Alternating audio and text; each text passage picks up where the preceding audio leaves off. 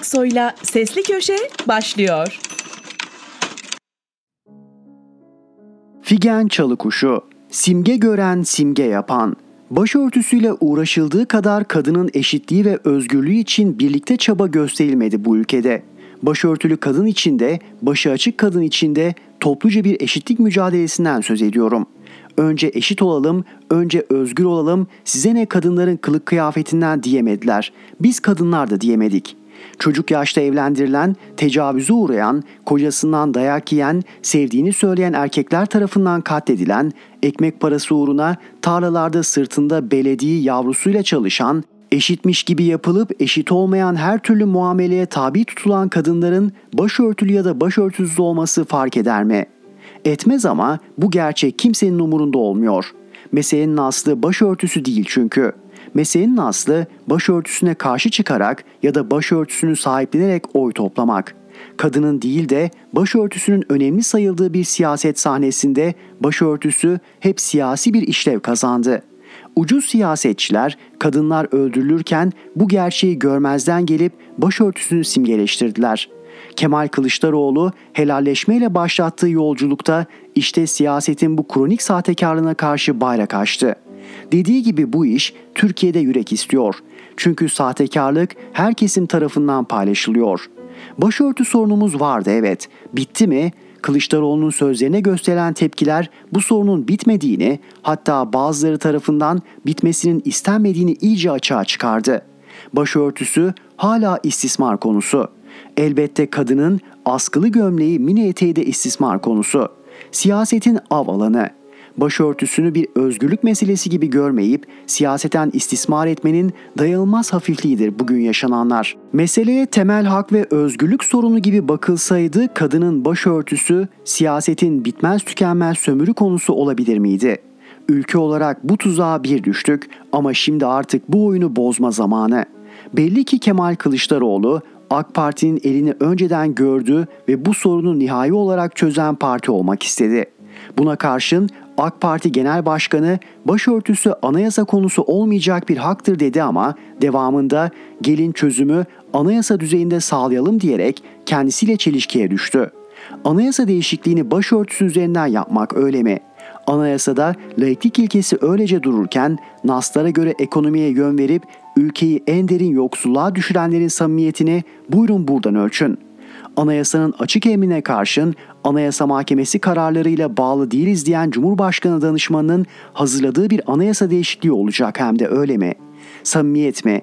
Gerçekten buyurun buradan ölçün. Anayasada düşünce özgürlüğü teminat altındayken yüzlerce insanı düşüncelerinden ötürü üstelik de terörist suçlamalarıyla cezaevlerine atanların iktidarında anayasa değişikliğiyle öyle mi? Temel sorunlarımızı kuşaktan kuşağa taşımaya son veren, özgürlükçü, eşitlikçi, çoğulcu, katılımcı kimlik siyasetinin önüne geçen gerçek bir demokratik layık hukuk düzenini kuracak bir anayasaya ihtiyaç var. Anayasayı defalarca çiğneyenlerin kaybedecekleri seçimde malzeme olarak kullanmak istedikleri bir anayasaya değil. Altı lider birlikte imza atmıştı.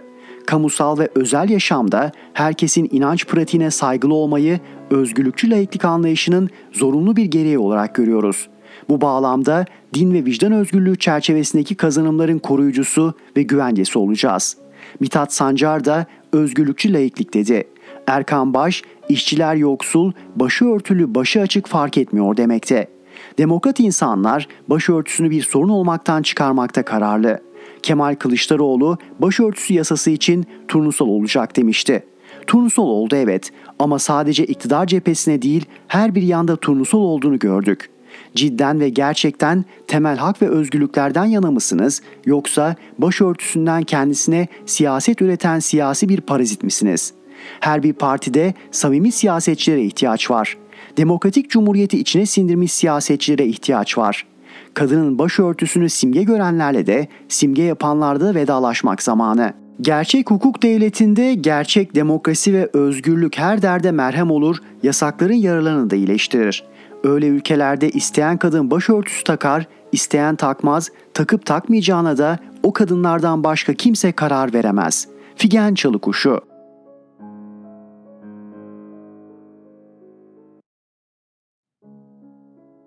İsmail Saymaz, Kılıçdaroğlu'nun rehine kurtarma operasyonu. Kılıçdaroğlu pazartesi akşamı milyonlarca vatandaşın önünde bir rehine kurtarma operasyonu için düğmeye bastı. Çünkü başörtüsü Erdoğan için uzun bir zaman önce hak ve mücadele nesnesi olmaktan çıktı, bir siyasi istismar bahanesine dönüştü. İktidarın bilerek açık bıraktığı, ihtiyaç duydukça kaşıyıp kanattığı bir yara bu. AK Parti %30'un altına düşen oylarındaki erimeyi durdurabilmek ve mümkünse kararsızları geri çevirebilmek için aylardır kazanımlarımız elden gidecek başlıklı propaganda setini kullanıyor. Erdoğan seçim startı verildiğinde kampanya setindeki en etkili silah olan başörtüsü mağduriyetini diline dolayacak bu biliniyor. Erdoğan eğer kaybederse 28 Şubat'ın hortlayacağını, kamuda ve üniversitelerde başörtüsü yasağının geri geleceğini savunacak. Örtünmeyi AK Parti iktidarıyla bağlı ve sınırlı bir özgürlük olarak gösterecek. Hiç şüphe yok ki muhafazakar seçmende CHP'ye yönelik ön yargılar arasında bu kaygının sahici bir yeri var. Örneğin Metropol'ün geçen yıl yaptığı araştırmaya da yansıdı. Millet İttifakı iktidara gelince dindarlar baskı görür mü sorusuna %59.9 hayır yanıtını verirken %33.2 evet dedi. Erdoğan bu kaygıyı meydan meydan işleyecekti. Kılıçdaroğlu adeta siyasi rehine muamelesi gören başörtüleri Erdoğan'ın elinden çekip almak için kalıcı bir çözüm getirmeyi teklif etti. Kılıçdaroğlu'nun talimatı üzerine CHP'li bir hukukçu yaklaşık 6 ay önce bu yasa teklifini hazırladı. Ancak taslak çekmecede sunulacağı günü bekledi. CHP lideri iki ay önce helalleşme çalışmaları çerçevesinde ekibiyle toplanarak istismar alanlarını belirledi. Ekibine 1935'teki CHP kongresinde çarşaf ve peçenin yasaklanması teklifinin reddedildiğini hatırlatarak istismar konularını bunların ellerinden alacağız dedi. Teklifin getirilmesindeki bir diğer faktör Gelecek Partisi lideri Davutoğlu'nun altılı masadaki girişimleridir diye düşünüyorum. Şöyle ki Davutoğlu 5 Ağustos 2021'de Saadet ve Deva'ya deklarasyon teklifi sundu. Deklarasyonun ilk maddesinde 28 Şubat benzeri vesayet rejimleri üzerinden din ve vicdan özgürlüğüne karşı her eylem ve politika karşısında demokratik hak ve özgürlükleri ve büyük fedakarlıkla elde edilmiş kazanımları korumak için işbirliği yapma arzusu vurgulandı. Ancak deklarasyon devanın 21'de 21 reddetmesinden ötürü akim kaldı. Davutoğlu bu girişimini altılı masaya taşıdı. Davutoğlu 26 Temmuz'da bu köşede yayınlanan söyleşimizde deklarasyonunu orayı zillet diyerek milli manevi değerlere düşman, bizi oraya takılan kulüp gibi gösterenlere karşı cevaptır diye savundu. Nihayet bu arayışı Gelecek Partisi'nin ev sahipliğindeki altılı masa toplantısından sonra yayınlanan temel ilkeler ve hedefler metnine girdi. Beşinci maddede din ve vicdan özgürlüğü çerçevesindeki kazanımların koruyucusu ve güvencesi olacağız denilmesi bundan. Kılıçdaroğlu'nun rehine kurtarma operasyonunun arka planı tam bu şekilde. Türkiye Büyük Millet Meclisi'ne sunulan yasa teklifinde başörtüsü ya da bir giysiden ve örtüden söz edilmiyor. Kamuda çalışan kadınların mesleklerinin icrası kapsamındaki cübbe, önlük ve üniforma dışında herhangi bir kıyafet giymek ya da giymemek gibi zorlamaya tabi tutulamayacağı vurgulanıyor. İktidar değiştiğinde başörtüsünden dolayı ayrımcılığa uğrayacağından kaygılanan kadınlara güvence sunuluyor. İktidarda bir mutluluk kimi muhaliflerde yatışmak bilmez bir öfke var. İki tarafta Erdoğan Kılıçdaroğlu'nun başörtüsü pasını gole çevirdi diyor. Oysaki Cumhurbaşkanı rakibinin baskısından kurtulabilmek için topu taca attı.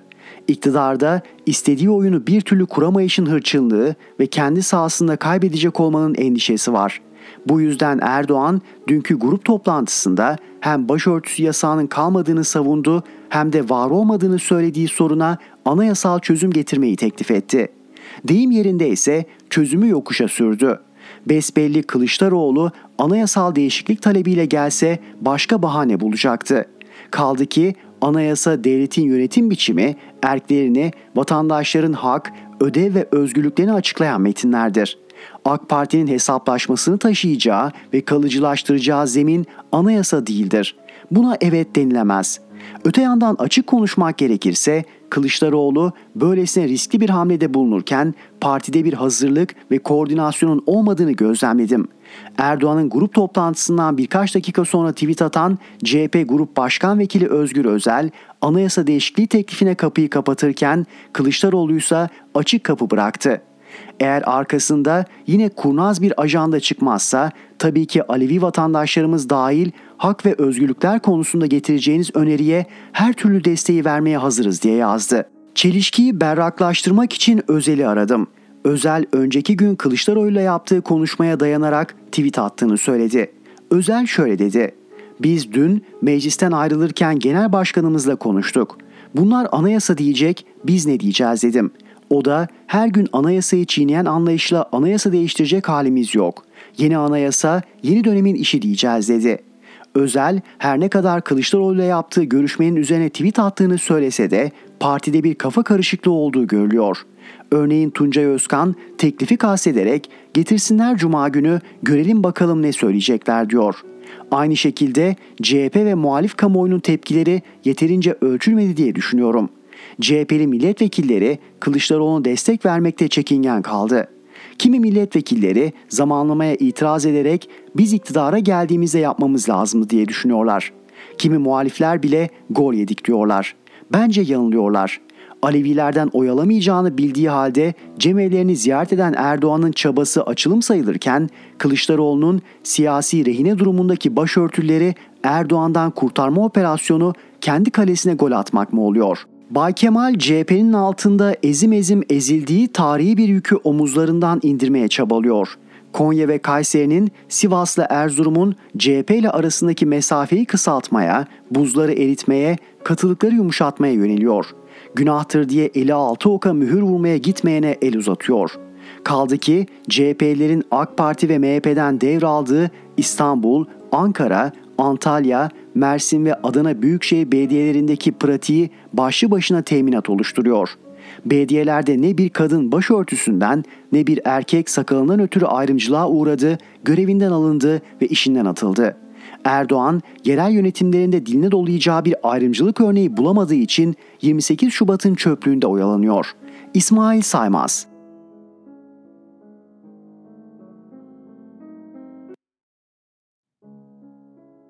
Mine Kırık Kanat, Araf'takiler. Türkiye bir güzel ülkeydi sevgili okurlarım. Şimdiki zaman değil, dili geçmişte.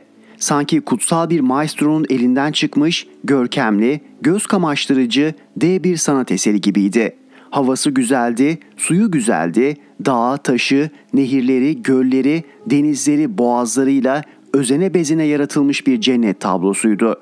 Yaratanın imzası yoktu ama olağanüstü güzellikteki bir resim gibi tarih boyunca elden ele gezdi. Son kiracılarına gelinceye kadar onunla, onun sayesinde, onun içinde, onun için yaşayanlar doğal dengelerini ve güzelliğini bozmaya kıyamadılar. Derken bu cennet tabloyu en çok kendilerinin sevdiğini, uğrunda öldüğünü ve öleceğini ileri süren son kiracılar çıktı sahneye. Güzellik peşinde değildiler tablonun daha çok para etmesi için imzalanması gerektiğini düşünüyorlardı. Zaten mülke çöker çökmez sahibi gibi davranmaya başlamışlardı. Fırçayı her eline geçiren bir yerini imzaladı Türkiye tablosunun. Denizleri imzaladı, ormanları imzaladı, dağları, nehirleri, boğazları imzaladı. Tüm imzalar birleşti, bitişti, tablo artık yalnızca kapkara imzaların koskoca lekesinden ibaret.'' Üstelik imzacılar yaratıcı bile değildiler. Her şey para içinde, soygun, talan ve yağma içinde, ekonomi içindeydiler. Ama tablo kapkara bir lekeye dönüşünce ekonomi de battı, beş para etmiyor artık eser. Yolsuzlara ve uğursuzlara hala cennet, diğerlerine cehennem ülkemiz Türkiye aslında bir araf. Ne yana savrulacağını bilemeyenlerin durağında tıkış tıkış olgunluk trendini bekliyoruz milletçe. Ama bekleyiş uzadıkça uzuyor, kimin yüzü ak, kimin yüzü kara bir türlü netleşmiyor ve geçici konum Araf kalıcı konuta dönüştü epeydir. Çünkü eskilerin kemale ermek dedikleri olgunluk trendine bir türlü girilemiyor ya da binilemiyor. Oysa her gün geçiyor söz konusu trend ama dolu geliyor, dar geliyor. Birkaç kişi ite kaka binebiliyor içine, eriyor kemale. Zaten her gün artan toplumsal çoğunluksa hep açıkta kalıyor. O çoğunluk demek olan Türkiye'de sürekli cennetle cehennem olmak arasında kararsız. Araf mı Türkiye, Türkiye mi Araf ayırt edilemiyor artık. Niçin büyükçe bir olgunluk seferi konulmuyor bu Araf'a? Niçin toplumsal çoğunluğu içine alacak bir olgunluk trendi uğramıyor bizim tarafa? Anlamaya çalışıyorum. Şaka bir yana niçin olgunlaşamıyor Türk toplumu? Anlamak için kuşkusuz soruna dönmek ve olgunluğun tanımını yapmak gerek. Zihinsel ve duygusal yetkinlik kazanımına, bilgi ve görgü gelişmişliğine, deneyim zenginliğine olgunluk deniliyor. Zaten burada durmak gerekiyor. Çünkü yalnızca tanımı bile en azından benim gözlediğim kadarıyla Türk toplumunun niçin olgunlaşamadığını gösteriyor. Araf ülkemizde dünyaya gelen insanların çoğu toplumsal tarihin kendileriyle başladığını düşünüyorlar. Sade vatandaştan politikacısına en fazla kendi bildiği geçmişi yaşanmış sayıyor ve deneyim olarak ancak kendi bildiğini ölçü alıyor. Her kuşak bilineni yeniden keşfediyor. Kuşaktan kuşağa birikimi bir türlü bitiştiremeyen Türkiye'nin toplumsal fikir birikimi de yerinde sayıyor.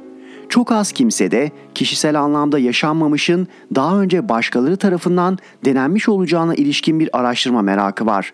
Çok az insan kendisinden önce neler yaşandığını okuyarak, öğrenerek kişisel bilgi alanını genişletmek ve başkalarının deneyiminden yararlanmak peşinde. O kadar çok insan üstelik okur yazar kendi bildiğinin dışında bir bilginin varlığını hatta varlık olasılığını reddediyor ki bazen bu cehaletten bile öte kendi bilmediğini yok sayan zihin darlığı karşısında dehşete kapılıyorum.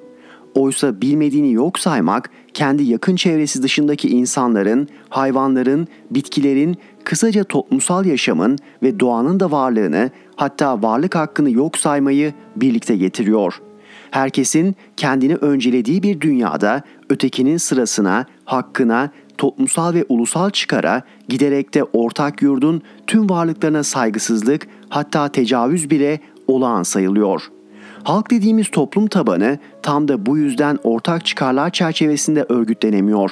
Tam da bu yüzden hep araftayız. Hak etmediğimiz cennet vatan elimizden kayıp gidiyor. Sümerlerin son dili yılancaydı. Kağıt üzerindeydi. Rabbin onlara sabır vermesi için dilenmişti.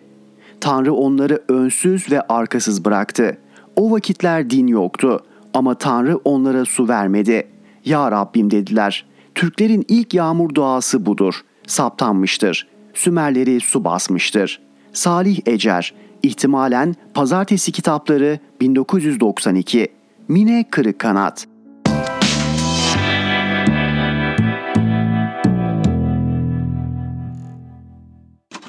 Erhan Gökayaksoy'la Sesli Köşe devam ediyor. Mustafa Kemal Erdemol, bugüne taşıyacak bir şeyi olmamanın ifadesi. Dün dündür, bugün bugündür. Demagoji tanımı basit bir sözcüktür. Doğru gibi görünen ancak özünde yanlış olan ifadeler için kullanırız bu tanımı. Günlük yaşamda, insanlar arası ilişkilerde bilmeden de olsa kullanımımız çoktur. O anda çok işe yarar çünkü. Psikolojik üstünlük sağlamada da üstüne yoktur gerçekten de. Demagojiye en sık başvuranların politikacılar olduğunu söylemeye gerek yok. Çünkü onların da hayli işine yarar. İnsan konuşan bir varlık olmaya devam ettikçe siyasetçinin de ilk işi seçilmek, ikinci işi ise yeniden seçilmek oldukça demagoji de varlığını sürdürecek elbette. Asla bitmez. Bana sorarsanız bizde bunun ustası Süleyman Demirel'di. Onun dün dündür, bugün bugündür sözleri demagojinin en muhteşem örneklerindendir örneğin. Bu cümle elbette zaman kavramında bir doğruyu ifade eder ama sosyal yaşamdaki sürekliliği görmezden geldiği için düpedüz yalandır özünde. Yani yaşamın sürekliliği bakımından dün dün değildir, bugün de bugün değildir çoğu zaman.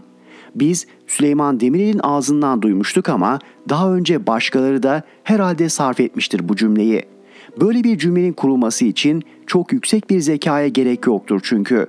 Dünün hesabını veremeyen ya da vermek gibi bir erdemi olmayan, her güne farklı bir kimlikle uyum sağlama becerisine sahip herkes söyleyebilir bunu.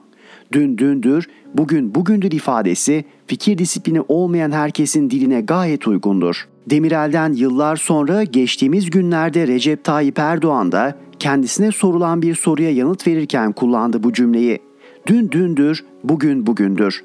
Bunu Erdoğan'dan duymak son derece tuhaf tabii. Çünkü tüm siyaset felsefesini, yarına dönük projelerini düne dayandıran biri o. Dünden besleniyor çünkü. Dünün toplum düzenini, dünün ahlakını, dünün kurumlarını savunuyor. Sorudan kaçmak için söylediği dün dündür, bugün bugündür ifadesini duyan karşıtları Erdoğan'ın savunduğu dünün toplum düzenine karşı çıkarlarken dün dündür, bugün bugündür derlerse ne yapacağı merak konusudur.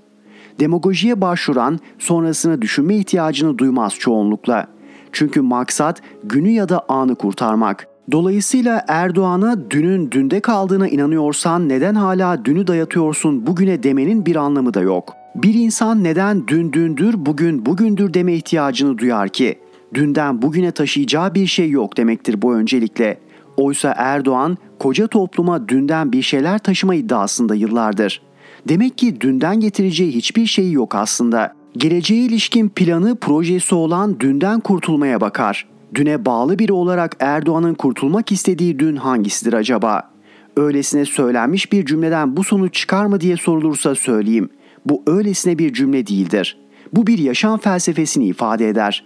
Öylesine de söylense, madem söylendi, söyleyen dünde kaldığını söylediği dünü dayatmayacak kimseye. Siyasette belirmeye başladığı dönemlerinde Erdoğan biz yeniyiz eskiyi reddediyoruz dediğinde aslında reddettikleri yeterince dün yanlısı olmayanlardı.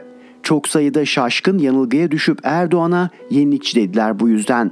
Az rastlanır bir garipliktir bu ama biz rastladık işte milletçe. Siyasetin kendine has bir ahlakı vardır diyen her kimse siyasetin ahlakı yoktur diyemediği için söylemiştir bu vecizeyi muhtemelen.'' 12 Eylül'ün askeri mahkemelerinin adalet dağıtamayacağına inananlar, askeri müzik ne kadar müzikse askeri adalette o kadar adalettir derlerdi. Siyasetin kendine has ahlakı denince hep bu muhteşem tespit gelir aklıma. Genel ahlaka ters düştüğüne çok tanık olduk siyasetin ahlakının. Durumu ya da anı kurtarmak için değil de belki de düşüncelerinde değişiklik olduğu için söylemiş olamaz mı o cümleyi Erdoğan?'' İngilizce'de bu tür fikir değişikliklerine her türden ani geri adım atmalara flip-flop denir. İngiliz argosunda anlamı daha nettir. Takla atmak. Dünle yola çıkmışsan her sıkıştığında dün dündür, bugün bugündür demeyeceksin. Dünden yani 24 saat öncesinden ertesi sabaha aynı kalan ilkelerin olacak. Değişmeyen, tutarlı, ilkeli, yalpalamayan kişi olursun o zaman. Tersini yaparsan yaptığının adının ne olduğunu söylemiş işte İngiliz. Philip Flop, Mustafa Kemal Erdemol.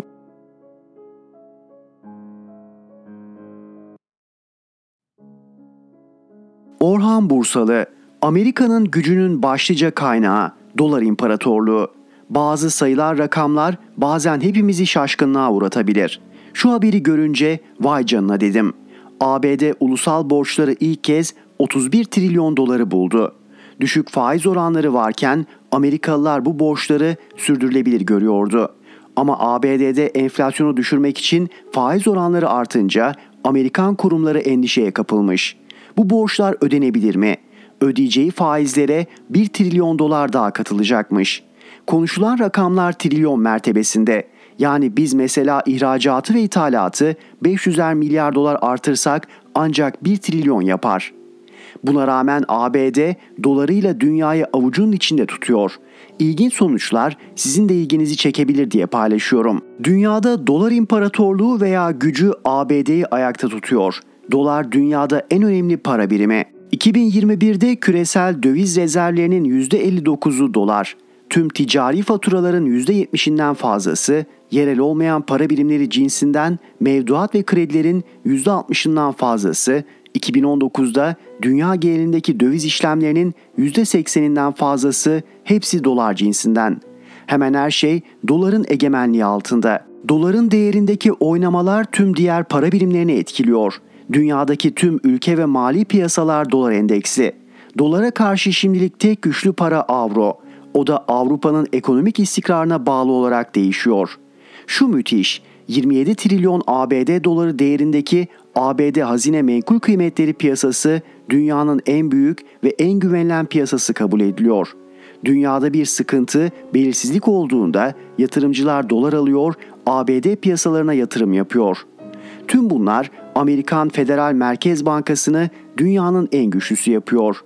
Bu nedenle Fed aşağı, Fed yukarı herkes ne halt edecek, faizleri indirecek mi, yükseltecek mi bakıp duruyor. Hop oturuluyor, hop kalkılıyor. Faizler yükseldikçe dünyadaki dolarlar çok güvenilir yatırım aracı olarak ABD'ye akıyor. Ülkemizden de sıcak paralar borsadaki dolarlar uçuyor ABD'ye konuyor. Yani Fed mali dünyayı yöneten en büyük güç. Faizleri artırınca dünya ekonomisinde fena vuruyor. Piyasalardan paralar çekiliyor. Ülkelerin tüm dolar stokları Amerika'nın dolar imparatorluğunu güçlendiriyor. Bizim bankada, mevduatta, kasada, cepte tuttuğumuz dolarlar ABD egemenliğinin hizmetinde. ABD'nin küresel gayri safi yurt içi hasılasındaki payına göre uluslararası rezervlerdeki payını kıyaslarsanız korkunç. %25'e %60. Doların rezervlerdeki payı 2000 yılında %71 iken 2021'de %60'a düştü. Avronun payı %21. Japon yeni %6. İngiliz'inki %5, Çin yuanı %2. 2021'in ilk çeyreğinin sonu itibarıyla 7 trilyon ABD doları veya mevcut Amerikan hazine menkul kıymetlerinin %33'ü hem resmi hem de özel yabancı yatırımcıların elinde. %42'si özel Amerikan yatırımcılarına, %25'i Federal Rezerv Sistemi'ne ait. Ülke dışındaki dolarların yarısı yaklaşık 950 milyarı yabancıların elinde duruyor. Doların değerlendirilen başka bir noktası da çok sayıda ülke paralarını dolara çıpalamış durumda. ABD dışındaki dünya gayri safi yurt içi hasılasının %50'sinin para birimi ABD dolarına bağlı olan ülkelerde üretildiği tahmin ediliyor. ABD doları küresel ticarette en sık kullanılan para birimi. 1999-2019 arası dolar Amerika kıtasında ticari faturalandırmanın %96'sını, Asya Pasifik bölgesinde %74'ünü, %79'u dünyanın geri kalan bölgelerinden. Bunun tek istisnası avronun baskın olduğu Avrupa. ABD doları uluslararası bankacılıkta da baskın para birimi. Uluslararası ve yabancı para cinsinden borçlarının öncelikle mevduat ve alacaklarının öncelikle kredilerin yaklaşık %60'ı ABD doları cinsinden. ABD doları sayesinde ekonomisinin çok çok ötesinde bir ekonomik güç ve dünyayı domine ediyor. Bizdeki dolarlar aslında ABD'nin askeri gücü olarak da yine bize dünya milletlerine karşı bir savaş aracı olarak kullanılıyor. Bu arada pek çok ülke kendi para birimleriyle alışverişi geliştirmeye çalışıyor. Minik adımlar, doların egemenliğini kısa sürede sarsmaları zor. Orhan Bursalı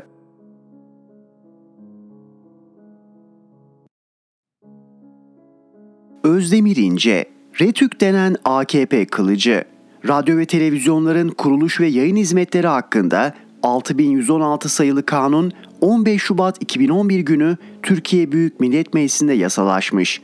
Demek oluyor ki RETÜK'ün iktidarın kılıcı olarak tasarlanıp üretilmesi AKP'nin marifeti. Madde 1.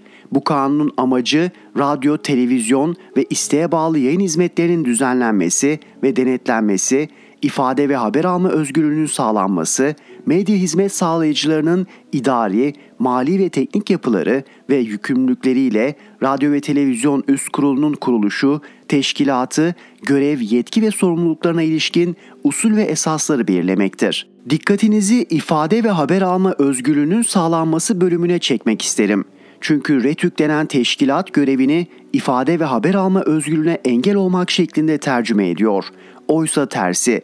Bu denli fahiş terslik nasıl olur diye meraklanıp üyelerin seçilmesiyle ilgili maddeyi bulmak için yasayı okumaya başladım ve ilgili maddeyi buldum.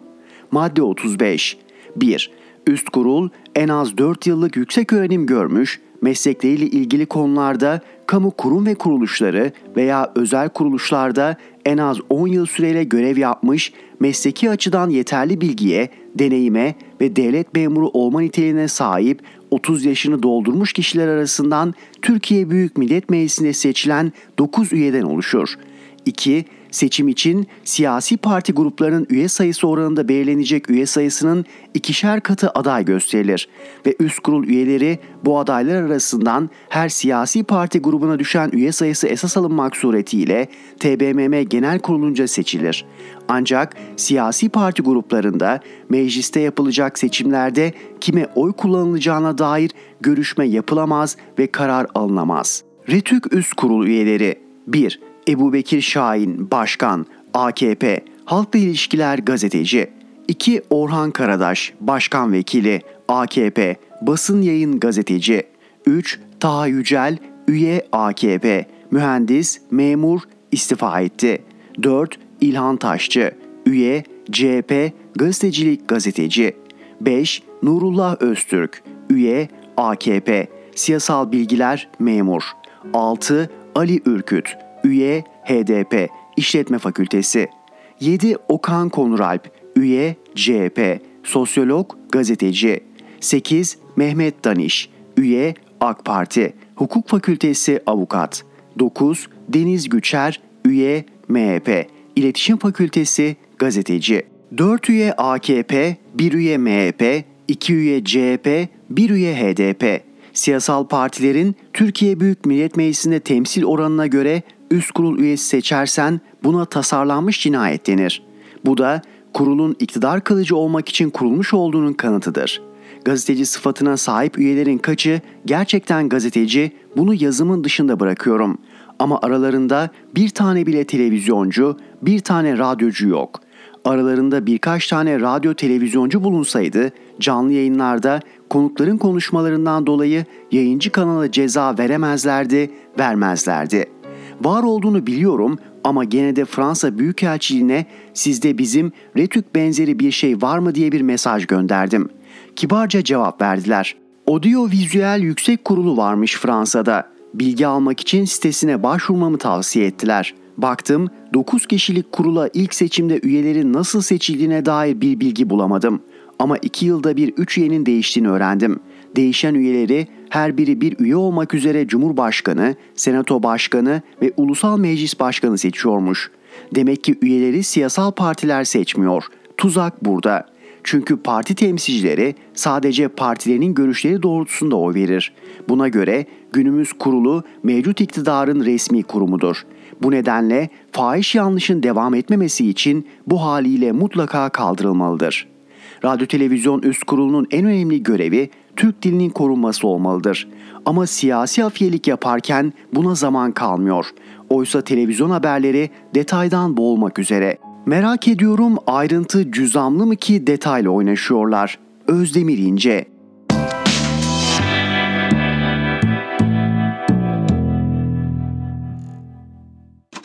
Erhan Gökayaksoy'la Sesli Köşe devam ediyor. Rifat Serdaroğlu, Türban, Türbülans AK CHP. Kılıçdaroğlu'nun türbanı sağlam kazığa bağlamak için tüm CHP grubunu temsilen 3 grup başkan vekilinin imzasıyla verdiği yasa teklifini kimler destekliyor?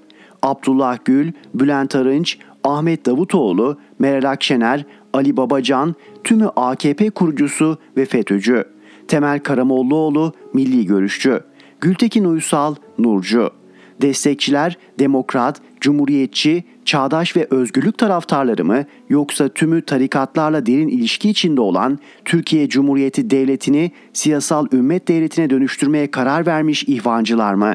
Bu sorunun yanıtını sizler vereceksiniz ve verdiğiniz kararın sonucunu yaşayacaksınız. Doğru Parti'nin kararı ve yapacakları Anayasanın hiçbir hükmü Türk toplumunu çağdaş uygarlık seviyesinin üstüne çıkarma ve Türkiye Cumhuriyeti'nin laiklik niteliğini koruma amacı güden devrim kanunlarının anayasaya aykırı olduğu şeklinde anlaşılamaz ve yorumlanamaz. Anayasa madde 174 CHP İstanbul Milletvekili Turan Aydoğan devrim kanunları kadük yani yürürlükten kalkmıştır dedi. Doğru Parti anayasamızın ilk altı maddesinin değiştirilemeyeceğine, değiştirilmesinin teklif dahi edilemeyeceğine ve Atatürk ilke devrimlerinin tamamına inanır ve mutlaka sahip çıkar. Atatürk devrimleri, Cumhuriyet'in ilan edilmesi, saltanat hilafetin kaldırılması, medeni kanunun kabulü, tarikatların kaldırılması, tekke zaviyelerin kapatılması, kadın haklarının kabulü temelinde demokratik, laik ve sosyal bir hukuk devletine saygılı olmak ve sahip çıkmaktır. Türk milleti doğru partiye siyasi sorumluluk verdiğinde demokratik parlamenter rejime dönmek için mümkün olan en kısa zamanda yeni anayasa yapımında tüm ülkeyi temsil edecek bir kurucu meclis seçimi yapılacak, çalışmalar tamamlanınca halkımızın onayına sunulacaktır. Devri sabık uygulanacak ve FETÖ ile işbirliğinde olanlar, soyguncular, hırsızlar yargıya teslim edilecekler.'' AKP ve MHP'nin birlikte gerçekleştirdikleri 9 milyon sığınmacıya gönüllü geri dönme çağrısı yapılacak. 3 ay içinde büyük şehirlerden başlanarak kaçak sığınmacılar BM gözetiminde kurulacak yerlerde toplanıp ülkelerine gönderilecektir. AKP'nin uyguladığı ve altılı ittifak ortaklarından Babacan ve Davutoğlu'nun uygulayacağız dedikleri vahşi kapitalizme son verilecek, planlı kalkınma ve kamu ağırlıklı karma ekonomi programına geçilecek ve gerçek sosyal devlet uygulanacaktır. Anayasaya göre yasaklanmış, halkın sırtından her biri holding haline gelmiş, birbirlerini kasetleriyle tehdit eden, bakanlıklara kadar devletin içine sızmış, her türlü istismara ve dolandırıcılığa karışmış tarikat, cemaat, vakıf gibi şer yuvaları kapatılacaktır. Tarikat cemaatlere ait tüm öğrenci yurtları belediyeler yoluyla halkımızın olan arazi ve binalara el koymuş, para aklama merkezi haline gelmiş vakıf ve kuruluşlar kamulaştırılacaktır. Herkesin inancını özgürce ve dilediği gibi yaşamasının teminatı anayasa ve hukuk devleti tarafından sağlanacaktır. Haklarında yargı kararı olmadan görevden alınmış, seçilmişler görevlerine döneceklerdir. Kayyım kurumu kullanılmayacaktır. Diyanet İşleri Başkanlığı ve TRT anayasal kurumlar olmaktan çıkarılacaktır. Diyanet tüm inançlara hizmet verecektir. Herkesin inancı, mezhebi, kültürü, ana dili onun onurudur ve istediği gibi yaşar. Teminatı anayasa ve hukuk devletidir. Vatandaşlarının bu haklarını yaşaması için devlet her türlü desteği verir. Türkiye Cumhuriyeti Devleti üniter yapıda bir ulus devlettir. Egemenlik kayıtsız şartsız Türk milletinindir. Hazine garantili olarak kaçak ihale edilmiş işlere ödemeler derhal durdurulacaktır yerel ve uluslararası denetim kuruluşları ihale safhasından başlayarak soruşturma yapacaklar ve bu tesisler kamulaştırılacaktır. Devlet Planlama Teşkilatı, Hıfzı Sağ Kurumu, kapatılan tüm denetim kurumları yeniden ve daha güçlü olarak açılacaktır. Ülkemizi sığınmacı kampı haline getirerek kaynaklarımızı sığınmacılara harcayanlar, sığınmacılar için harcandığı söylenen 150 milyar doların harcama belgeleri tek tek incelenecektir. Türkiye'de eğitim ve sağlık kademeli olarak ücretsiz hale getirilecektir. İhtiyaç sahibi gençlerimize yurtlar ve iki öğün yemek ücretsiz olacaktır. Yargı, sağlık ve öğretmenlerin maaş seviyeleri milletvekili maaşına eşitlenecek ve bu mesleklere alınacak gençlerimiz en yüksek puan alanlardan görevlendirilecektir. Aziz Türk milleti, Doğru Parti, Türk milletine hep doğruları ve yapabileceklerini söyleyecektir. Yapacaklarımız konusunda 3 yıl hazırlığımız var. Bir kısmını sunmaya çalıştık. Yazıyı bağlayalım. Doğru Parti yönetiminde devlette şeffaflık dönemi başlayacak ve devlette soygun, torpil, nitelikli dolandırıcılık, mafya olmayacaktır. Tüm Türk milleti kucaklanacak ve Türkiye barış, sevgi, kardeşlik adası olacaktır.'' çeşitli ittifaklarda birlikte olduğumuz dost devletlerle yeniden görüşülecek ve her ittifak karşılıklı yarar ilişkisine göre yürütülecektir. Ne mutlu Türk'üm diyene ve sözünden dönmeyene. Not Kılıçdaroğlu'nun türban yasa teklifini olumlu bulduğunu söyleyen besleme gazetecilere ve yapılmak isteneni derinliğini anlamayanlara bir önerim var. Lütfen kendilerine sorsunlar. Bu devletin temelleri çok kanlı bir savaşta can vererek Atatürk ve arkadaşları tarafından atılmıştır. Atatürk'ün laiklik anlayışını, tarikatları kapatmasını yanlış mı buluyorsunuz? Siz Atatürk'ten daha akıllı ve daha fazla vatansever misiniz? Rifat Serdaroğlu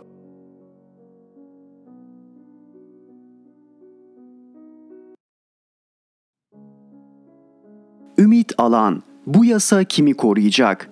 Uzun süredir gündemde olan sosyal medya düzenlemesi, namı diğer dezenformasyon yasası meclise geldi.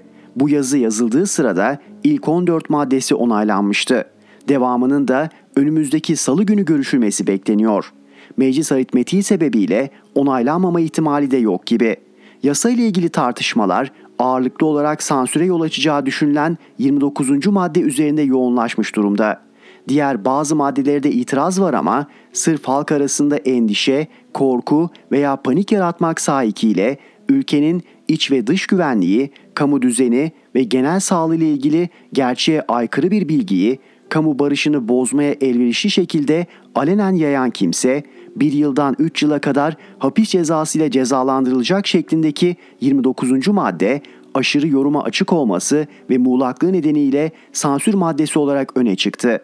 Çünkü uygulamada neyin gerçek, neyin gerçek olmadığına nasıl karar verileceği endişe, korku ve paniğin nasıl yorumlanacağı ve hangi dezenformasyon konusunda harekete geçileceği konusunda derin şüpheler var. Biliyorum yasanın özellikle gazetecilik örgütleri tarafından itiraz edilen farklı tarafları da var ama özellikle 29. madde nedeniyle başlayan haklı tartışma ister istemez 2023'te yapılacak kritik seçim öncesi muhalefeti susturmak için bir sansür sopası mı olacak şüphesini güçlendiriyor. Yasanın düşünsel arka planında ise bireyleri ve toplumu mu yoksa iktidarı mı koruma amacı olduğu sorusu öne çıkıyor.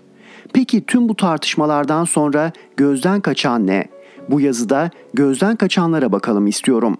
İngiltere'de 14 yaşındaki Molly Russell başta Instagram olmak üzere sosyal medya platformlarında intihar, depresyon, kendine zarar verme ve kaygı ile ilgili pek çok içeriği görüntülediği tespit edildikten sonra 2017 yılında kendini öldürdü. Öyle ki Molly'nin ölmeden 6 ay önce Instagram'da kaydettiği, beğendiği ve paylaştığı 16.300 parçadan 2100'ü intihar, kendine zarar verme ve depresyonla ilgiliydi. Russell'ın ailesinin bu acı kayıptan sonra başlattığı kararlı mücadele İngiltere'de bir soruşturmanın başlamasına yol açtı. Londra'daki Adli Tıp Mahkemesi'nde geçen ay görülen davanın sonunda Molly'nin depresyondan ve çevrim içi içeriğin olumsuz etkilerinden mustaripken kendine zarar verme eyleminden öldüğüne karar verdi. Duruşmaya Instagram'ın da bağlı olduğu Meta'nın sağlık ve esenlikten sorumlu başkanı Elizabeth Lagon katılmıştı. Lagon, Molly tarafından görüntülenen içeriğin bir kısmının o sırada Instagram kurallarını çiğnediğini kabul etti ve Instagram kurallarını ihlal eden içeriğin engellenemeyip Molly'e gösterilmesi yüzünden özür diledi. Bu davayı takip eden günlerde İngiltere'deki çevrim içi güvenlik yasa tasarısı parlamentoda hızla gündeme geldi ve yetkililer yasanın çocuklara yönelik hükümlerinin güçlendirilmesi için çalışıldığını açıkladı. Burada dikkat edilmesi gereken bir başka nokta şu ki çocukların sosyal medya kullanım yaşı 13 olarak öngörülüyor. Ancak Molly bir Instagram hesabı açtığında 12 yaşındaydı. Burada ebeveynlerin sorumluluğu da var doğru ama platformlar bunun için ne önlem alabilir? Daha ötesinde acaba 13 yaş sınırı sosyal medya kullanımı için yeterli mi? Burada tartışmalar yaratan Türkiye yasasına dönelim. Yasanın 34. maddesinde neredeyse kimsenin konuşmadığı sosyal ağ sağlayıcı, çocuklara özgü ayrıştırılmış hizmet sunma konusunda gerekli tedbirleri alır ibaresi var. Acaba bu kadar kritik bir konuda SALT bu madde çocukları koruyabilecek mi? Bunu tartışmaya sıra gelmiyor. Çünkü her şey yasanın niyeti çok şüpheli bir başka maddesinde kilitleniyor.'' Fransa'da eğitim gören 23 yaşındaki ABD vatandaşı Nohemi Gonzalez, terör örgütü IŞİD'in 2015 yılında Paris'teki saldırı sonucu hayatını kaybeden 129 kişiden biriydi. Bu olaydan sonra ailesi beklenmedik bir şüpheliye Google'a da dava açtı.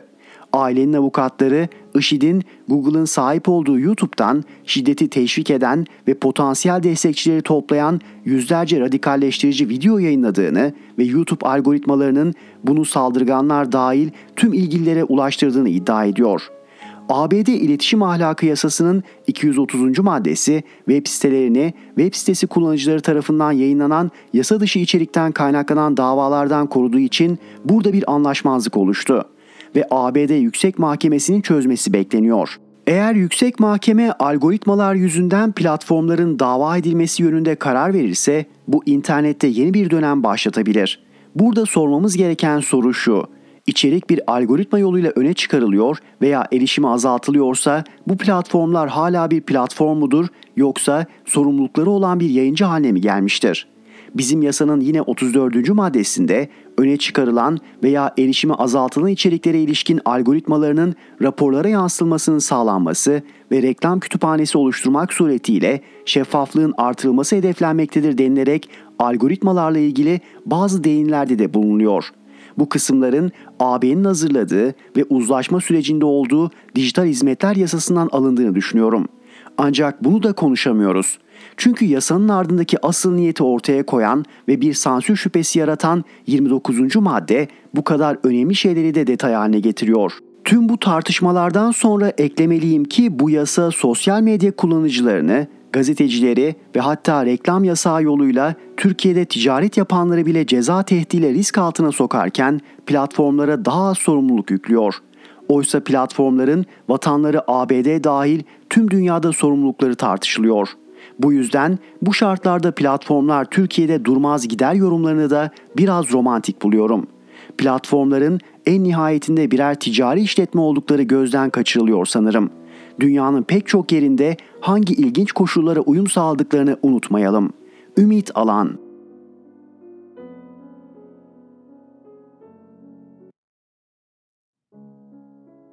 Zeynep Gürcanlı Karışık İşler Tek kutuplu dünyadan çok kutuplu sisteme geçiş beraberinde karmaşayı da getirmeye devam ediyor. Ukrayna savaşı iyiden iyiye açığa çıkardı. Artık sarsılmaz ittifaklar, güvenilir müttefikler yok. Her ikisi de NATO üyesi olan Türkiye ve Yunanistan'ın arasındaki gerilim mesela her geçen gün artıyor. NATO'da lider pozisyonda olan ABD ise Türk-Yunan anlaşmazlıklarında tarafsız rolünü tamamen terk edip Atina'nın yanında konumlandı. ABD'nin Orta Doğu'da koruyup kolladığı Suudi Arabistan, Başkan Biden'ın Rusya'yı sıkıştırmak için yaptığı ricayı hiçe sayıp OPEC grubunda petrol üretiminde günlük 2 milyon varil kesinti kararının önünü açtı. Bu kararın Biden'ın petrol üretimini düşürün ricasını iletmek üzere Kaşıkçı cinayetini bile görmezden gelerek Suudi Arabistan'ı ziyaret etmesinden hemen sonra alınması özellikle önemli. Aynı dönemde Suudi kralının geleneksel olarak kendi uhdesinde bulunan başbakanlık görevine sürpriz bir kararla oğlu Veliaht Prens Muhammed Bin Salman'ı atadığı da unutulmamalı. Veliaht Prens tam da Kaşıkçı cinayetini yargılayan Amerikan mahkemesi Biden yönetimine Muhammed Bin Selman uluslararası alanda ABD hukukunun lider ya da krallara sağdığı dokunulmazlıktan yararlanır mı sorusunu sorduğu dönemde başbakan atandı. Böylece ülke lideri haline getirilip Amerikan yargısına göre dokunulmaz hale geldi. Dokunulmazlık özgüveni belli ki Suudi Arabistan'ın cesaretini toplamasının önünü açmış ki petrol üretimi düşürme kararı Washington'ın gözünün içine bakarak alındı. ABD'nin buna karşılığı sert olacak gibi. Kongreden şimdiden Suudilere silah satışının durdurulması, Yemen Savaşı üzerinden baskı yapılması dile getirilmeye başlandı bile. ABD Dışişleri Bakanı Blinken da tüm opsiyonlar masada kongreyle beraber hareket edeceğiz diyerek Suudi yönetiminin bir şekilde cezalandırılacağının işaretini verdi.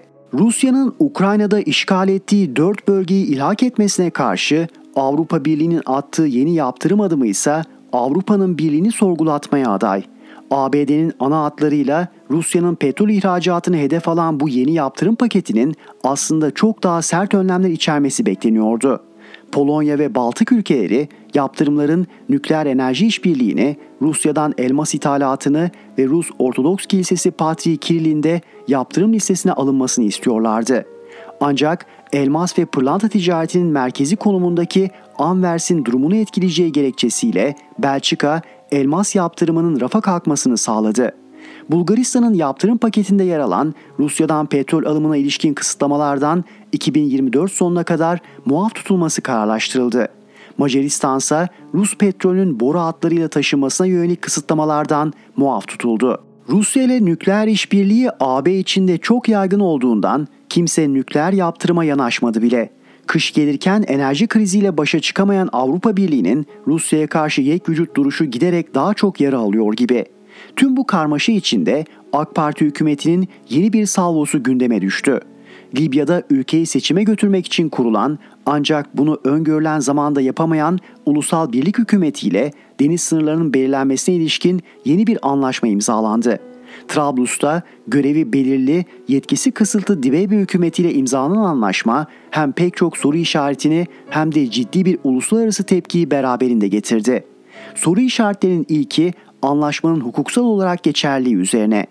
Dibeybe hükümetinin görev yönergesinde ülkenin geleceğine yönelik uluslararası taahhütler verilemeyeceği açıkça ifade edilirken böylesine bağlayıcı bir anlaşmaya imza koyup koyamayacakları tartışılmaya başlandı. Bir başka karmaşa anlaşmanın imza sürecinde yaşandı. Metnin altında imza için ismi açılan Libya Petrol ve Gaz Bakanı Muhammed Oğun imza töreninde Libya'da değildi. İsminin yanına yerine ibaresi konulup başka birine imza atıldı anlaşma. Anlaşmanın onay süreci de sıkıntılı. Bizzat imzalanan anlaşmanın maddelerinden biri yürürlüğe girebilmesi için her iki ülkenin iç hukuk sistemi çerçevesinde onaylanmasına ilişkin. Ancak Libya'nın mevcut parlamentosu imza töreninden sadece saatler sonra anlaşmayı reddettiğini açıkladı. Tepkiler ise özellikle Yunan hükümetinin deyim yerindeyse kıyameti koparması üzerine birbiri ardına geldi. ABD'den Mısır'a, Avrupa ülkelerine kadar pek çok kesimden adeta tek ses yükseldi. Dibeybe hükümetinin böyle bir anlaşma yapmaya yetkisi yok. Libya ile imzalanan anlaşmanın hukuki zemini bu kadar sıkıntılı olunca Türkiye'de de AK Parti dışında pek sahip çıkan olmadı anlaşmaya. Fazla bir etki de yaratmadı. Sadece Türk dış politikasında yeni bir karmaşa olarak kayıtlara geçti o kadar. Kişisel bir not. Uluslararası ilişkiler çok hızlı gelişiyor. İzleyebilmek giderek daha çok güç gerektiriyor. Bunun için arada bir nefes almak gerek. Küçük bir izin ricası. 18 Ekim Salı günü yeniden bu sütunlarda görüşmek üzere. Zeynep Gürcanlı